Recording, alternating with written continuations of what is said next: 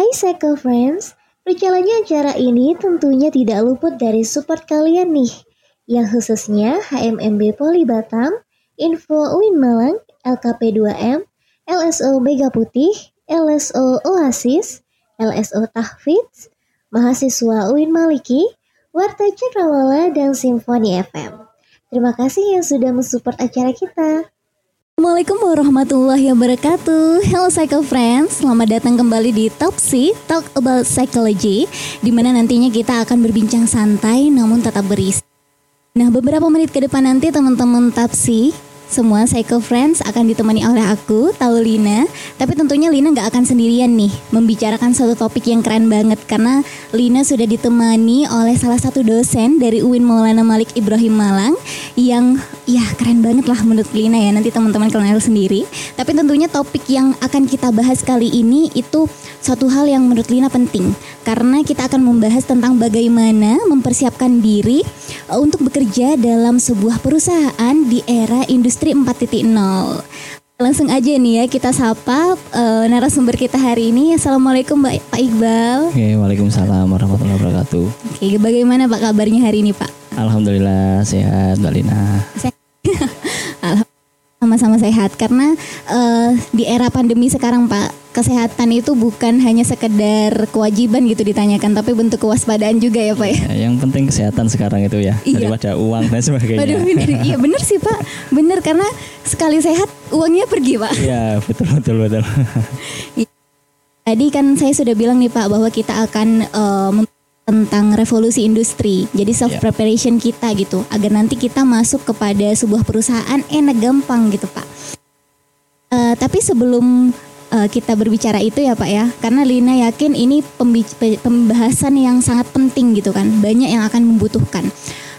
Lina baru saja menemukan suatu observasi temuan uh, di era pandemi ini bahwa banyak masyarakat Indonesia yang akhirnya menyadari dan mengakui keterikatan dan kelekatan kita pada teknologi dan internet. Iya betul. Tapi mereka hanya melihat ini sebatas dari dampak dari pandemi. Jadi mereka masih berharap ini akan kembali lagi seperti semula gitu Pak. Dan ya. mereka tidak menyadari bahwa ini adalah bagian dari revolusi industri. Ya, ya betul. Iya Pak ya, Bapak mungkin pernah dengar juga dan ternyata dari survei ini penyebabnya adalah karena banyak yang belum tahu apa itu revolusi industri. Mungkin bisa kita start dari sini dulu nih Pak. Sebenarnya apa sih revolusi industri 4.0 itu dan uh, mungkin sejarah singkatnya juga bisa diceritain nih Pak. Uh, eh, kalau kita ngomong revolusi industri sebenarnya kita nggak bisa lepas dari yang namanya uh, social society ya, artinya peradaban manusia. Jadi memang e, kalau kita ngomong revolusi industri, bagaimana manusia itu kan mengoptimalkan sumber daya manusia, kemudian e, apa namanya e, membuat produk-produk yang kemudian itu menjadi apa namanya membuat manusia itu lebih lebih ringan lebih dalam bekerja dan sebagainya. Nah sebenarnya gini, e, kalau kita membahas revolusi industri saja ya, rasanya nggak lengkap ya. Jadi saya mungkin akan sedikit cerita juga terkait dengan e, apa namanya startnya dari e, social society yaitu e, bahasa mudahnya itu peradaban manusia. Jadi ketika dulu uh, masa uh, social society yang pertama nah itu ketika dulu manusia itu masih da dalam zaman masih uh, nomaden jadi masih berpindah-pindah nih jadi mereka itu uh, apa namanya ketika mau uh, apa namanya makan bertahan hidup ya mereka harus berburu. Dengan resiko kalau berburu mereka uh, apa namanya uh, hidup atau mereka Mati, dimakan nah gitu iya. kan. Nah berarti mereka uh, kalau hierarki Maslow. Itu kan mereka kebutuhan fisiologisnya makan itu kan belum belum terjamin. Mereka harus cari dan sebagainya. Itu ketika masih zaman nomaden e, kalau misalkan iklimnya nggak bersahabat mereka harus pindah dan sebagainya. Nah kemudian itu masih peradaban ketika zaman pertama lah. Lah kemudian ketika sosial society yang e, era kedua itu ketika manusia itu e, apa namanya sudah mulai bisa dalam tanda kutip ya menaklukkan alam. Mereka bisa menumbuhkan uh, apa namanya pohon-pohon atau tanaman itu dari biji. Kemudian mereka sudah bisa uh, berternak kemudian bercocok tanam dan sebagainya. Nah itu mereka sudah mulai bisa menaklukkan alam dalam tanda kutip kan. Berarti uh, sudah bisa uh, apa namanya kalau dulu mereka harus berburu tapi sekarang mereka ditangkap dikembangbiakkan nah kapan pun mereka bisa eh, apa namanya makan dan sebagainya nah artinya perkembangan peradaban itu membuat eh, manusia itu kan kalau kemudian eh, dari hierarki Maslow kalau di tahap yang kedua rasa aman berarti mereka kan sudah fisiologisnya sudah ada tercapai kemudian rasa aman. Nah, kemudian nanti manusia masuk ini di masa peradaban yang ketiga sosial society ketiga. Nah sosial society ketiga itu berbarengan dengan masa revolusi industri pertama. Nah, berarti sosial society ketiga itu ditandai ketika eh, yang dulunya manusia itu bercocok tanam eh, apa namanya eh, beternak dan sebagainya. Nah sekarang manusia mulai memproduksi barang menggunakan pabrik, mesin dan sebagainya itu dimulai ketika manusia menemukan mesin uap. Nah, itu kan revolusi industri pertama kan, itu kan ketika manusia menemukan mesin uap. Nah, memang dampaknya juga sangat luar biasa ya di Inggris waktu itu ketika revolusi industri pertama. Ini saya kolaborasi langsung ya antara revolusi biar, biar cepat ya revolusi Boleh, industri pertama dengan uh, social society ya ketika itu dampaknya adalah PHK masal-masalan karena dulu mereka bekerja sekarang ketika ada pabrik mereka kehilangan pekerjaan dan sebagainya.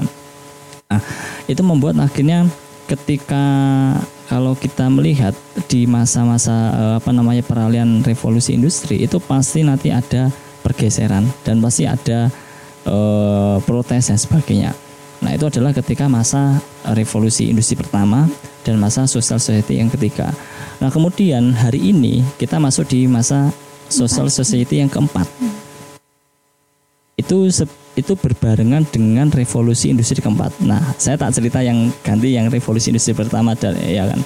Nah ketika revolusi industri pertama itu manusia eh, apa namanya apa namanya eh, kehidupannya itu yang dulunya mereka masih manual dan sebagainya. Mereka tergeser oleh adanya pabrik mesin uap dan sebagainya. Yang dulunya misalkan pengen ke tempat yang jauh dan eh, apa namanya mendistribusikan barang itu lebih gampang karena ada lokomotif uap. Akhirnya eh, akulturasi budaya juga akhirnya dengan ya, Pak, ya? cepat sekali. Nah kemudian eh, itu dampaknya adalah ketika tadi ya saya katakan PHK masa-masalah dan sebagainya Nah, kemudian itu sekitar abad 17 sampai awal 18 lah. Kemudian ketika revolusi industri yang kedua itu ditandai dengan penemuan listrik. Itu ketika eh, abad ke-18 sampai awal 19 lah. Itu ketika ditemukan mesin listrik itu lebih efektif kan.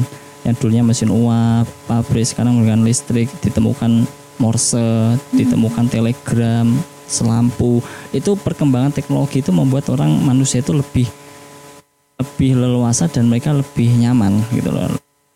Nah itu tapi memang dampaknya juga akhirnya yang dulu kalau kalau eh, revolusi industri yang eh, apa namanya dua itu juga ditandai dengan waktu itu ditemukan volatile itu kayak ban berjalan.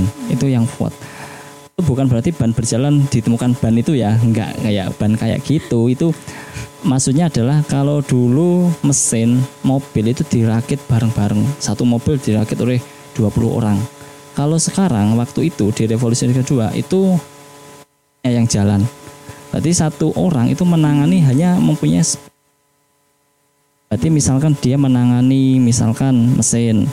Nanti mesinnya itu kalau sudah selesai dirakit dia jalan sendiri. Nanti ke kelompok yang kedua itu nanti eh, nangani interiornya. Nanti terus jalan sampai nanti perakitan itu selesai. Itu sampai menurunkan eh, apa namanya eh, untuk keuntungan itu ya. Itu sampai 300 persen. Ya itu berguguran semua pabrik-pabrik yang lainnya. Dan dan beberapa pabrik yang lain Lalu kemudian ditemukan eh, apa namanya kita bergeser lagi di masa revolusi industri yang ketiga. Nah, revolusi industri yang ketiga itu paling mudah itu ditandai dengan penemuan komputer. Nah, orang ketika bekerja itu lebih eh, apa namanya cepat. Kemudian data-data itu yang dulunya fisik itu lebih sekarang apa non fisik. Kemudian dia lebih mudah untuk ngirim apa namanya eh, data. Kemudian ditemukan juga berbagai mesin-mesin yang eh, otomatisasi dan sebagainya itu ditemukan ketika di masa revolusi industri yang ketiga. Kan sekarang banyak ya mesin itu kemudian secara komputer di cuma di apa namanya aplikasi kemudian dia jalan sendiri. Iya, iya. Tapi waktu itu masih membutuhkan motor yang banyak juga. Baru kemudian di awal 2000 lah itu kita masuk di masa revolusi industri keempat. Di masa revolusi industri keempat itu kita sekarang ditemukan dengan banyaknya eh, apa namanya otomatisasi, kemudian eh, apa namanya banyaknya eh, apa namanya robotik robot-robot yang ada di eh, apa namanya di perusahaan dan sebagainya itu membuat akhirnya tenaga kerja menjadi lebih sedikit yang dibutuhkan. Itu sama kayak dulu revolusi industri pertama kayak Anda tahu misalkan kita masuk di revolusi industri keempat ini kayak Gojek lah. Dulu awal-awal Gojek kan banyak yang protes. Iya. Yang dulunya Kang ojek pangkalan, taksi pangkalan itu mereka protes karena sekarang semua orang pakai gadget. Mereka Lebih praktis ya lebih ya? praktis. Nah, kita komunikasi dengan orang pun lebih banyak. Saya yakin lebih banyak hari ini menggunakan gadget. Gadget, nah, iya. kita disuguhkan dengan hal-hal yang praktis. Kita mau makan misalkan ya, mau makan tinggal klik. Kita pengen barang tinggal klik. Kita nggak perlu ke mana-mana. Kita di rumah aja kita cukup. Hari ini bekerja, misalkan teman-teman psikologi yang senang nulis, teman-teman psikologi yang senang bercerita, telestory dan sebagainya itu itu bisa dijual. Tinggal kita install aplikasi, kemudian kita jual karya kita itu dihargai dengan dolar. Artinya kita di rumah saja itu bisa hidup hari ini loh ya di revolusi industri ketiga. Kita mungkin ya, tapi akhirnya kita menjadi secara interpersonal ya. Kita dengan teman, kita interaksinya, kemudian banyak hal-hal yang kemudian eh, secara sosial kita berkurang dan sebagainya. Nah, baru kemudian kemarin ketika eh, KTT ya tahun 2019 itu Jepang memperkenalkan revolusi industri sorry eh, social society yang kelima. Jadi eh, peradaban ketika nantinya manusia itu secara fisik dengan metafisik ya itu sudah tidak ada pembeda artinya kita bertemu dengan teman dan sebagainya itu juga bisa lewat non fisik ya semua semuanya itu eh, kita kerja dan sebagainya itu semuanya menggunakan aplikasi semuanya menjalankan serba online Seperti seperti Zoom dan sebagainya. Nah itu adalah mungkin eh, apa ya secara singkat lah ya, revolusi industri. menarik sih Bapak. Ini berarti eh, kalau dia dari sejarahnya memang sebenarnya revolusi industri nggak bisa di stop ya Pak ya. Karena tujuannya tadi untuk memudahkan manusia, itu Manusia sendiri. Menghentikan laju zaman ya perubahan itu kan. Ya, Jadi mau nggak mau kita memang harus ke sana gitu kan ya, ya Pak kita ya. harus adaptif mau nggak mau. Kalau kemudian kita eh, menolak atau kemudian kita eh, ingin menghentikan arus perkembangan ya tidak bisa karena itu akan terus bergulir. Ya bisa-bisa ya kita yang terlindas nantinya. Iya benar. Dan ini sih Pak, karena eh, Bapak tadi sempat menyinggung tentang PHK, banyaknya PHK dari cerita atau eh, historinya revolusi ini. Saya jadi teringat di tahun 2018 eh, Indonesia akan mulai berkomitmen tuh Pak menjadikan eh, negara ini sebagai negara yang masuk ke revolusi industri 4.0. Pada saat itu program dari Menteri eh, Perindustrian ada Making Indonesia 4.0 namanya Pak. Dan saya ingat banget di situ kontranya Pak, banyak sekali penolakannya. Bahkan eh, pada saat itu memang sudah sedikit terjadi banyaknya PHK. Dianggapnya oleh masyarakat Indonesia itu memang Indonesia belum mampu sekali gitu. Malah kalau misalkan memang itu ada di Indonesia, nanti semakin banyak pengangguran yang tidak terkontrol. Iya. Maka dari itu penolakannya besar. Tapi di 2001 ini kita kan melihat ya Pak ya, banyak sekali PHK dan lain-lain. Iya, nah menurut Bapak gimana sih di 2001 ini? Udah siapkah Indonesia? Eh, sebenarnya kita mau tidak mau akhirnya ketika eh, pandemi eh, terjadi. Kan kita dipaksa sebenarnya Iya. untuk masuk di revolusi industri keempat. Yang mohon maaf misalkan guru-guru yang dulunya mungkin wis nyaman dengan belajar tatap muka dan sebagainya akhirnya dipaksa untuk online.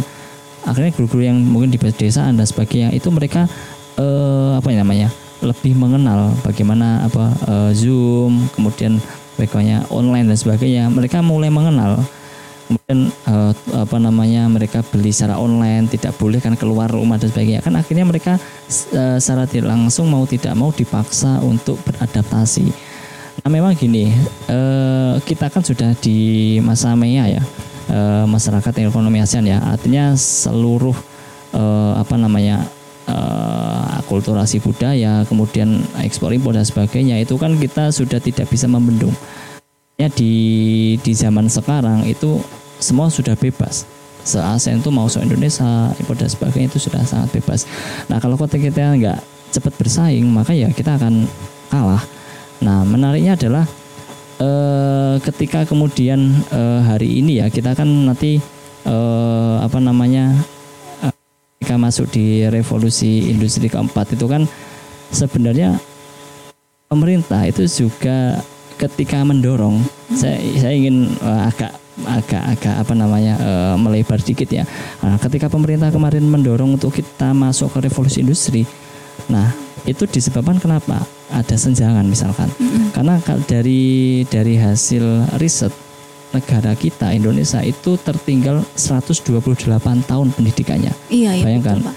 ibarat lari ya Eropa yang sekarang ya jadi anu ya kiblatnya Eropa ya Eropa itu atau Jepang itu ibaratnya mereka sudah sudah di depan kita tertinggal 100 meter di Iya, belakang iya. Jauh sekali ya, Pak. nah lah itu akhirnya mau nggak mau misalkan kita pengen eh, apa namanya misalkan kita pengen pengen sejajar itu kan kita suruh mereka misalkan berhenti terus kita masih lari 100 meter nah Jauh tuh. ya kalau mereka berhenti kalau nggak itu kita semakin tertinggal kan Iya, kan iya. jauh itu itu kita tinggal 120, eh, 128 tahun nah akhirnya mau nggak mau akhirnya pemerintah itu kan merombak kalau kemarin ada tahu kita rame dengan undang-undang tenaga kerja omnibus law dan sebagainya Eh, saya sedikit cerita ya kalau anda lihat di berita dulu sebelum pandemi itu ada perang dagang antara Cina dengan Amerika ketika perang dagang itu membuat akhirnya banyak eh, pabrik-pabrik yang investornya dari Eropa, Amerika itu hengkang dari Cina.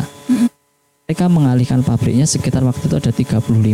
Itu ternyata tidak ada satupun yang masuk ke Indonesia. Padahal Indonesia 10 tahun lagi kita ada bonus demografi. Iya, iya. Bonus demografi itu berarti banyak yang eh, usia produktif itu membutuhkan lahan pekerjaan. Nah kalau lahan pekerjaan itu kayak gini aja ya kita kan berarti akan banyak pengangguran.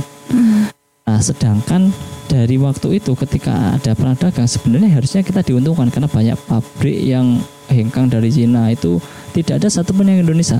Ada sekitar 20 pabrik itu yang di Vietnam. Ada sekitar 5 sampai 7 itu yang di Thailand. Ada yang ke Malaysia. Tidak ada satupun yang Indonesia. Kenapa?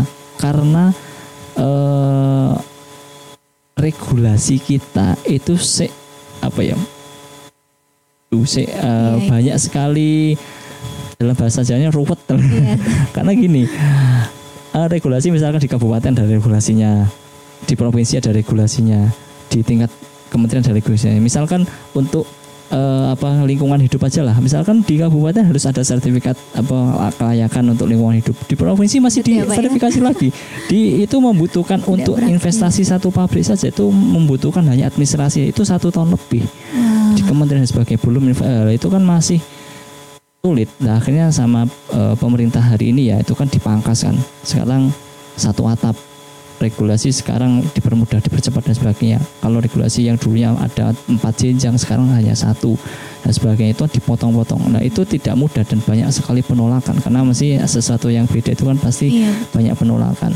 Nah tapi untungnya adalah banyak sekarang mulai eh, pabrik-pabrik investor yang ke Indonesia nikel yang kemarin dari beberapa negara yang kemudian mereka berinvestasi eh, baterai yang tidak ada di eh, ASEAN kan yang ada hanya di Indonesia itu kan sudah luar biasa Iya. dari situ termasuk dari omnibus law itu kan Iya. Eh, tadi Bapak sempat ini sih Pak, sempat menyinggung tentang beberapa eh, kesulitan gitu ya Pak untuk kita akhirnya masuk ke revolusi industri 4.0. Jadi sebenarnya skill-skill apa Pak tadi biar mendukung lebih cepat lagi agar Indonesia itu bisa masuk ke 4.0 dari personal pekerjanya gitu. kalau eh, misalkan kita agak ke psikologi ya Iya. sebenarnya kalau eh, kemampuan kita ke apa namanya Indonesia tingkat pendidikan dan sebagainya itu eh, kita kan tadi saya katakan kita tertinggal cukup jauh dari negara-negara Eropa. Nah makanya sekarang apa sih yang kemudian bisa membuat kita itu eh, bisa eh, apa namanya mengejar ketertinggalan itu. Nah sekarang di dunia pendidikan yang uh, menelurkan apa namanya uh, apa namanya lulusan-lulusan dari SMK kemudian dari perguruan tinggi itu mereka kan ada akreditasi. Nah uh, akreditasi itu juga disesuaikan dengan uh, kebutuhan yang ada di tempat lapangan kebutuhan yang ada di tempat kerja. Sekarang misalkan di fakultas kita ya dulu nggak ada yang namanya misalkan mata kuliah uh, apa namanya bimbingan karir misalkan. Iya. Sekarang ada kemudian dulu uh, tidak ada mata kuliah yang terkait dengan uh, apa namanya misalkan uh, uh, apa namanya literasi misalkan digital literasi. Sekarang ada kan mata kuliah itu. Nah itu kan disesuaikan dengan kebutuhan yang ada di zaman lah. Itu kalau dari kelembagaan ya. Kalau dari mahasiswa sebenarnya uh, semua ketika mahasiswa itu masuk di dalam perkuliahan itu keilmuannya itu juga pastinya juga dibutuhkan kok di dunia kerja. Apalagi psikologi. Psikologi itu katanya kan seperti air yang di mana pun itu selagi ada manusia di situ psikologi gitu ya, dibutuhkan. Nah yang memang menjadi problem kita ketika sekarang kita ke revolusi industri keempat otomatisasi kemudian ada uh, apa namanya misalkan uh, semuanya serba instan dan sebagainya itu membuat orang itu lebih tidak lebih tidak senang berproses tapi mereka senang yang instan dan mereka itu kalau tidak mendapatkan itu maka lebih mudah untuk mengalami stres, depresi dan sebagainya. Nah, kemudian di tempat kerja juga itu membutuhkan sekarang kita bekerja dengan banyak orang pun karena orang-orang sekarang lebih senang eh, apa namanya dengan HP, gadget dan sebagainya. Itu membuat orang secara interpersonal juga mulai menurun. Nah, kemampuan-kemampuan interpersonal itu yang sebenarnya dibutuhkan oleh yang sekarang calon tenaga kerja itu untuk di dunia kerja. Karena ketika kebutuhan skill misalkan di dunia kerja itu bisa dipelajari, semua bisa dipelajari. Nah, yang sulit ya atau lama itu adalah masalah karakter.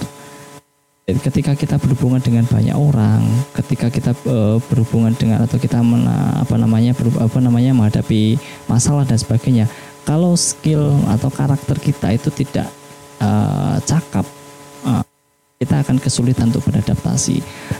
Poinnya adalah kemampuan kita dalam beradaptasi. Kita melihat potensi-potensi apa sih yang nanti di dunia kerja, kemudian kita lebih mengoptimalkan hmm. dan kemudian kita juga uh, apa namanya uh, secara personal kita harus siap lah. Berarti yeah. Iya. kemampuan interpersonal kita, hmm. kemampuan kita menjamin relasi, komunikasi itu menjadi sangat penting hari ini karena kalau anda lihat misalkan karena saya sering untuk uh, apa namanya psikotes dan sebagainya di beberapa perusahaan itu karena perusahaan itu inginnya itu kalau mereka dalam tanda kutip ya bodoh itu bisa kita latih kok mas. Kita bisa kita tapi kalau kemudian mereka secara karakter itu jauhkan kemudian mereka secara karakter itu wis uh, apa namanya kurang kurang uh, masuk lah sulit. Hmm. karena karakter kan sifatnya menetap. Makanya mereka biasanya mintanya itu mas kalau untuk psikotes tolong yang dimasukkan itu nggak terlalu pintar nggak masalah tapi karakter ya, etika ya, karakter interpersonal mereka harus bagus. Makanya kenapa psikotes itu di banyak uh, lembaga perusahaan itu menjadi apa ya penentu lah. Karena mereka kan kalau psikotes biasanya di pasti ditaruh di akhir. Iya. karena mereka secara misalkan kualifikasi mereka masuk semua nih. Tapi mereka akan dites secara kepribadian secara karakter itu mana sih yang nanti mereka cocok ketika bekerja mana sih yang mereka nanti bisa bekerja sama dalam satu tim mana sih mereka yang kemudian mereka bisa menjalin relasi pertemanan dan sebagainya itu yang menjadi penting hari ini. Karena semakin banyak kita bermain gadget ya hari ini ya.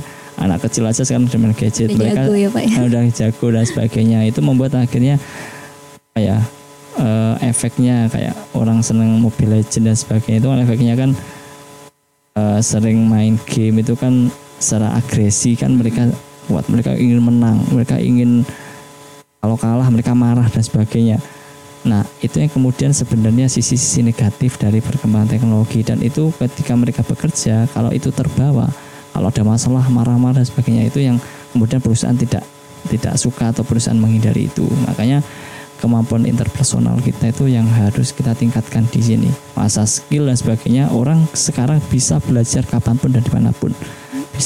Uh, sosial media yang sekarang ada teknologi dan sebagainya itu memudahkan kita untuk belajar di mana pun dan kapan pun. Berarti kita harus peka sama flexibilities itu ya Pak ya? Flexible betul sekali. saya menarik sih bahwa interpersonal itu tadi juga penting karena kalau saya baca dari banyak literatur rata-rata yang harus kita utamakan dalam menghadapi industri 4.0 itu uh, literasi digitalnya Pak. Jadi kita harus pintar mengoperasikan, harus uh, memahami tools-tools digital dan lain-lain. Tapi ada yang menarik dari Bapak statement Bapak tadi bahwa kita harus juga uh, mengutamakan karakter kita sebagai seorang pekerja ya Pak ya. Hmm.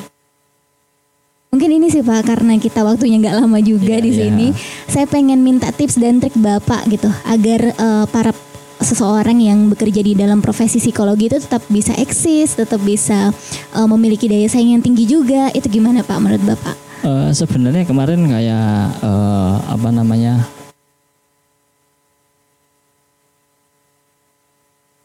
kayak itu juga mereka uh, menekankan adanya uh, apa namanya kualifikasi lah yang sekarang sangat dibutuhkan oleh para calon calon-calon tenaga kerja ketika di masa revolusi industri atau pasca pandemi. Itu mereka nyebutnya 4C 4C yang pertama itu mereka harus kreatif. Nah kreatif itu misalkan kita melihat oh ternyata hari ini tuh yang uh, dibutuhkan di apa namanya di pangsa pasar itu seperti ini. Nah akhirnya ketika kita tahu kebutuhan kan kita akhirnya kreatif untuk bagaimana kita bisa uh, memudahkan misalkan konsumen untuk bagaimana mereka tidak datang ke apa namanya uh, tempat. Atau misalkan hari ini itu uh, karena ada pandemi itu kita apa namanya uh, susah berinteraksi bagaimana kita menciptakan inovasi-inovasi uh, yang kemudian memudahkan kita manusia kan. Artinya kreatif itu uh, bukan berarti kemudian kita kuliah di salah satu jurusan kemudian pasti kreatif kan enggak iya, tapi iya. kreatif itu kan bagaimana kita melihat potensi hmm. bagaimana kita melihat peluang-peluang itu kan nah bagaimana caranya kita bisa melihat peluang ya kita terus belajar kita terus belajar kita membaca misalkan artikel kita membaca berita bahwa hari ini tuh kondisi uh, apa di tempat kerja itu seperti ini. Nah, bagaimana kemudian kita melihat peluang oh ternyata di tempat kerja itu membutuhkan misalkan ya, misalkan mereka kesulitan nih untuk psikotes. Oh, saya tak bikin aplikasi misalkan ya. Hmm. Nah, ada inovasi-inovasi kan di di kreatif. Kemudian yang kedua adalah uh, kemampuan untuk uh, critical thinking. Nah, bagaimana kita berpikir secara kritis? Nah, ketika ketika kita dimasuk di dunia kerja misalkan, itu kan kita dituntut untuk kita tidak hanya misalkan ada instruksi kita langsung percaya atau mengikuti, tapi kita bagaimana uh, kemudian kita bisa uh, berpikir untuk uh, apa namanya uh, meng, apa namanya mengogulkan satu uh, tugas misalkan, bagaimana kemudian kita misalkan e, bertemu dengan satu masalah, kita bisa menghadapinya, kemudian kita itu kan kita berpikir secara kritis. Hmm. Kemudian kemampuan yang ketiga itu adalah komunikasi. Nah, makanya yang saya penting termasuk interpersonal. Ya, nah, ya. nanti yang yang keempat juga e, berhubungan dengan interpersonal. Bagaimana e, ketika kita berkomunikasi, ketika kita bekerja di, di perusahaan atau di lembaga, kita kan nggak bekerja sendiri. Iya betul. Nah, kita bekerja dengan orang lain. Nah, bagaimana cara komunikasi kita? Apalagi orang psikologi ya, orang psikologi sebenarnya harus tahu lah bagaimana misalkan kita komunikasi dengan orang, kemudian orang yang kita ajak komunikasi kok kayaknya nggak nyaman sih, nah, misalkan itu kan kita sebenarnya sudah bisa melihat karena bagaimana sebenarnya kita cara-cara efektif kita berkomunikasi. Nah, komunikasi itu bukan hanya dengan kerja tapi juga dengan misalkan customer. Hmm, bagaimana komunikasi yang efektif, bagaimana sih Eh, kira-kira karakter-karakter masing-masing budaya itu cara komunikasinya di Indonesia saja misalkan antar suku misalkan ya, iya. ya itu cara ngomongnya be Susah ya, beda ya, beda orang budaya. Ya orang Jawa misalkan uh, sorry misalkan orang Jogja misalkan dengan orang uh, luar Jawa misalkan. Kadang orang anggenya kan mungkin oh, oh ya ah padahal iya, itu sebenarnya karena logat ya pak ya? Iya logat dan sebagainya. Nah kemudian bagaimana kita cara komunikasi kita dengan pimpinan dengan hmm uh, sesama teman-teman nggak bisa sama mungkin kita kalau waktunya ngopi selesai kerja kita bisa lah tapi kan kalau waktunya kerja itu kan harus kita bisa uh, apa namanya apa namanya harus bisa berada cara komunikasi ya. Nah kemudian yang keempat adalah collaborate atau saling berkolaborasi. Nah bagaimana hari ini karena uh, kita tidak terpisahkan ya karena perubahan zaman teknologi sebagainya memudahkan kita untuk berkolaborasi akhirnya eh, membuat seseorang yang kemudian tidak bisa berkolaborasi itu yang akan mati. Karena hari ini kita sangat diuntungkan ya.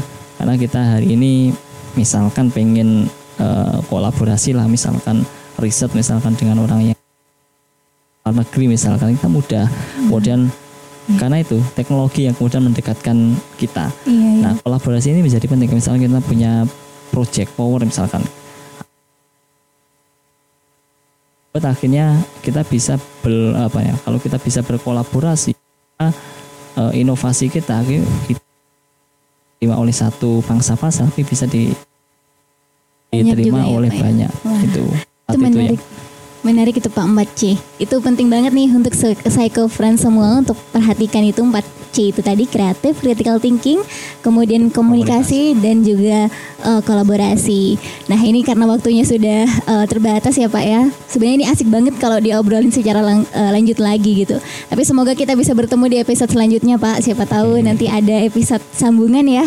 Eh, dan terima kasih untuk psycho friends semua yang sudah eh, nontonin kita sampai akhir dan jangan lupa juga eh, tolong di subscribe channel kita. Jangan lupa juga nantikan episode 4-nya dan mungkin kalau misalkan mau tahu Bapak ya secara keseluruhan boleh nih datang ke UIN Malang. Jadi boleh tanya-tanya. Atau mungkin Instagramnya Pak.